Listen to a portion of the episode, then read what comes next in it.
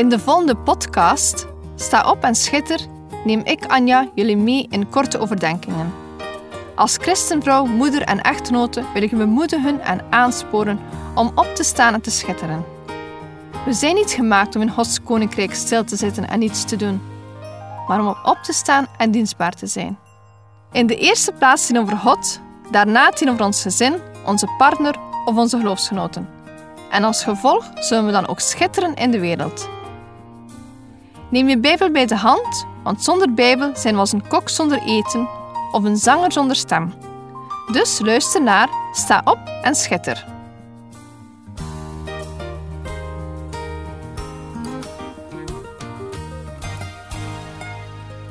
In deze vijfde uitzending wil ik het hebben over de liefde. Geen menselijke alledaagse liefde, maar een agape-liefde.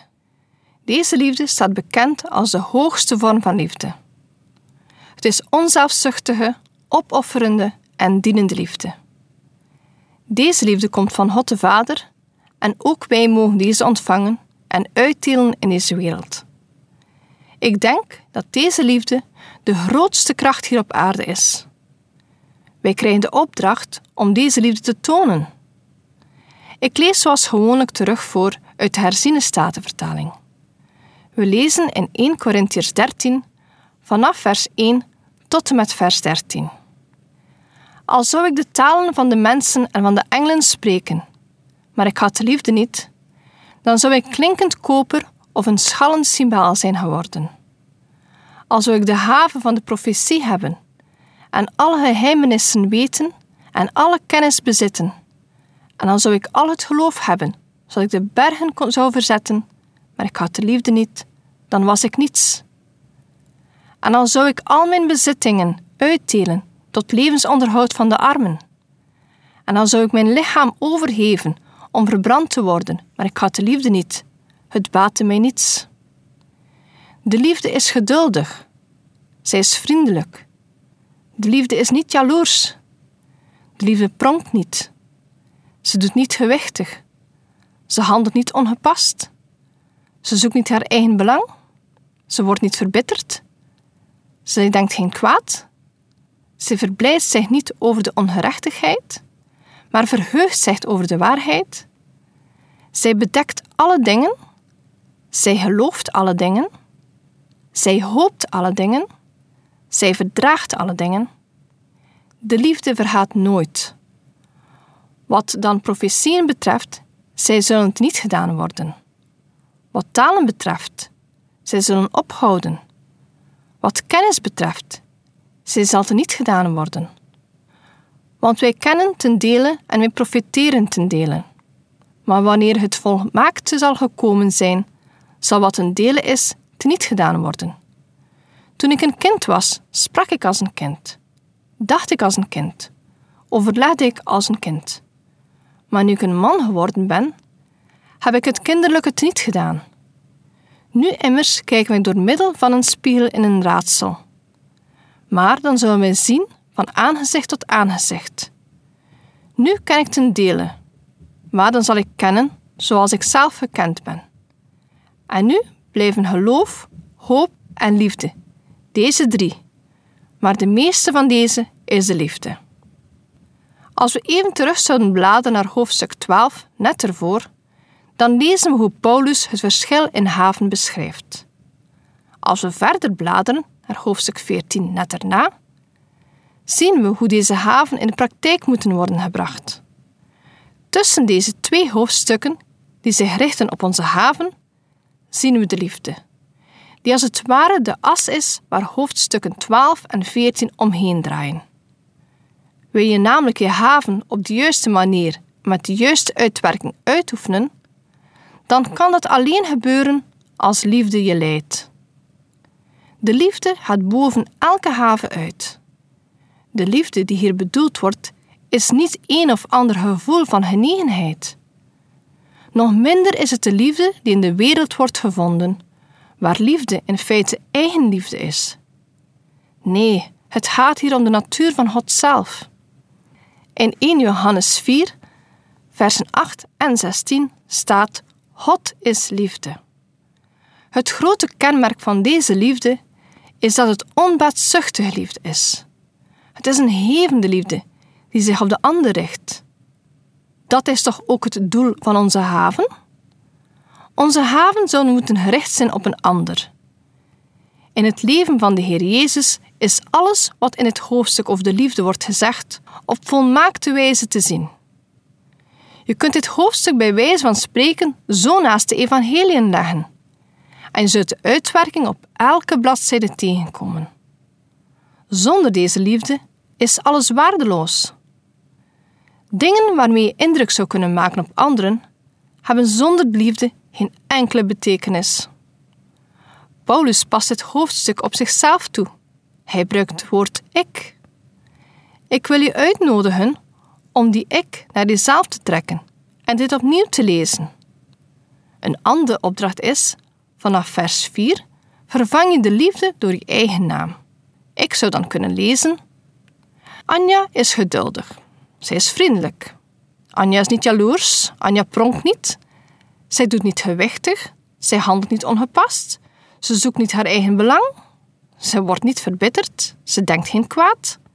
Ze verblijdt zich niet over de onrechtigheid, maar verheugt zich over de waarheid. Zij bedekt alle dingen, zij gelooft alle dingen, zij hoopt alle dingen, zij verdraagt alle dingen. Hm, hoe klinkt dat voor jou? Zelf vind ik het ronduit schokkend, omdat ik dan besef hoeveel mijn liefde tekort schiet. Vervang je de woorden de liefde, telkens door Jezus, dan bekom je een prachtige beschrijving van Jezus. Jezus is geduldig, hij is vriendelijk. Jezus is niet jaloers. Jezus pronkt niet. Hij doet niet gewichtig. Hij handelt niet ongepast. Hij zoekt niet zijn eigen belang. Hij wordt niet verbitterd. Hij denkt geen kwaad. Hij verblijdt zich niet over de ongerechtigheid, maar verheugt zich over de waarheid. Hij bedekt alle dingen. Hij gelooft alle dingen. Hij hoopt alle dingen. Hij verdraagt alle dingen. Het gaat hier echt over goddelijke liefde, geen menselijke liefde. Ik wil echt benadrukken dat het Bijbelsgebod van de liefde niet gaat over de liefde die de mens vanuit zichzelf kan opbrengen. Alleen een wedergeboren mens kan Gods bovennatuurlijke agape-liefde ontvangen en geven aan anderen in de vorm van daden. Het is een ware opdracht om geduldig en vriendelijk te zijn in deze wereld. Het betekent dat je jezelf kunt beheersen als je dingen ziet die niet goed zijn, of als je zelf tekort wordt gedaan. En dan die jaloersheid. Wie is er nooit jaloers of loopt eens te koop met de nieuwste aankoop? Ben je altijd nederig geweest? Als je al deze eigenschappen op een rijtje zet, dan kun je het gevoel krijgen van: wat ben ik slecht? Gelukkig mogen we groeien in dit proces en mogen we leren dat die bovennatuurlijke agape-liefde iets is dat we allemaal kunnen krijgen door met God te wandelen. Iedere dag opnieuw. We lezen ook in Johannes 13, versen 34 en 35. Een nieuw gebod geef ik u, namelijk dat u elkaar lief hebt. Zoals ik u lief gehad heb, moet u ook elkaar lief hebben. Hierdoor zullen allen inzien dat u mijn discipelen bent, als u liefde onder elkaar hebt. Wat een felle uitspraak. Er staat: heb elkaar lief. Het moeilijkste van deze opdracht is wanneer je leest hoe je dit moet doen. Zoals Jezus ons heeft liefgehad. Het is natuurlijk gemakkelijk om een medechristen lief te hebben, die jou wel ligt. Maar wat met die persoon die jou niet ligt? In het begin dat ik christen was, ben ik zelf beginnen worstelen met naaste liefde. Ik had toen medechristen waarmee ik het niet goed kon vinden. En Gods humor was dan dat ze steeds mij opzocht voor een bouwtje. Of ze kwam naast me zitten in de kerk. Ik probeerde alles om haar uit de weg te gaan, maar niets hielp. Het gevolg was dat ik me hierdoor nog meer ergerde in wie ze was. In die periode was er een lied opwekking 705, die me zo hard raakte. Het refrein gaat als volgt: Toon mijn liefde aan de ander, dien de ander. Zo heb ik ook jou lief gehad. Heb elkaar lief, wat er ook gebeurt. Dien de ander, zo heb ik ook jou lief gehad. Dit lied heeft mij veel tranen laten vloeien. Als je dit lied niet kent, ga het dan zeker eens beluisteren. Je kan alle opwekkingslieden terugvinden op YouTube. Het lied heeft dan ook de titel Toon mijn liefde. Ik voelde het als een falen. Ik kon zelfs de liefde niet vinden voor een van mijn medegelovigen. Ze had me nooit persoonlijk iets aangedaan, maar haar denken en doen was totaal anders dan het mijne. Na veel gebed en het opschrijven van positieve eigenschappen van deze vrouw, heeft God mij die liefde gegeven. Wat was dat een opluchting? Want Gods woord is zeer duidelijk. Liefhebben is een opdracht. Liefde, zoals die hier naar voren komt, gaat aan het werk. Ook als er helemaal niets aantrekkelijks in die ander te vinden is. Misschien erger je wel eens aan een persoon. Weet je, de goddelijke, onbaatzuchtige liefde ergert zich niet. Liefde gaat aan het werk omdat het liefde is. Hoe de ander is of daarop reageert, maakt voor de liefde niets uit. Het grote voorbeeld is God. Ik heb er al op gewezen. God is liefde. Wel, in 1 Johannes 4, versen 9 tot en met 10 staat hoe God het heeft laten zien. Hij heeft zijn enige geboren zoon gegeven. God wist wel dat de mensen hem niet wilden. Hij wist wat we met zijn zoon zouden doen. En toch heeft hij hem gegeven. Dat is liefde. Blijf beseffen dat God iedere dag met je meegaat. En laat de liefde schitteren in je omgeving. Als afsluit nog een leuke uitdrukking. Een paar regendruppels richten een bloemensteel op. Een paar druppels liefde kunnen een leven veranderen. Deze podcast kun je steeds opnieuw beluisteren via de website en app van twr.be.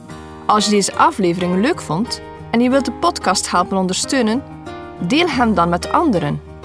Heb je gebed nodig of wil je reageren op deze uitzending? Zend dan gerust een mailtje naar anja.twr.be. Bedankt voor het luisteren.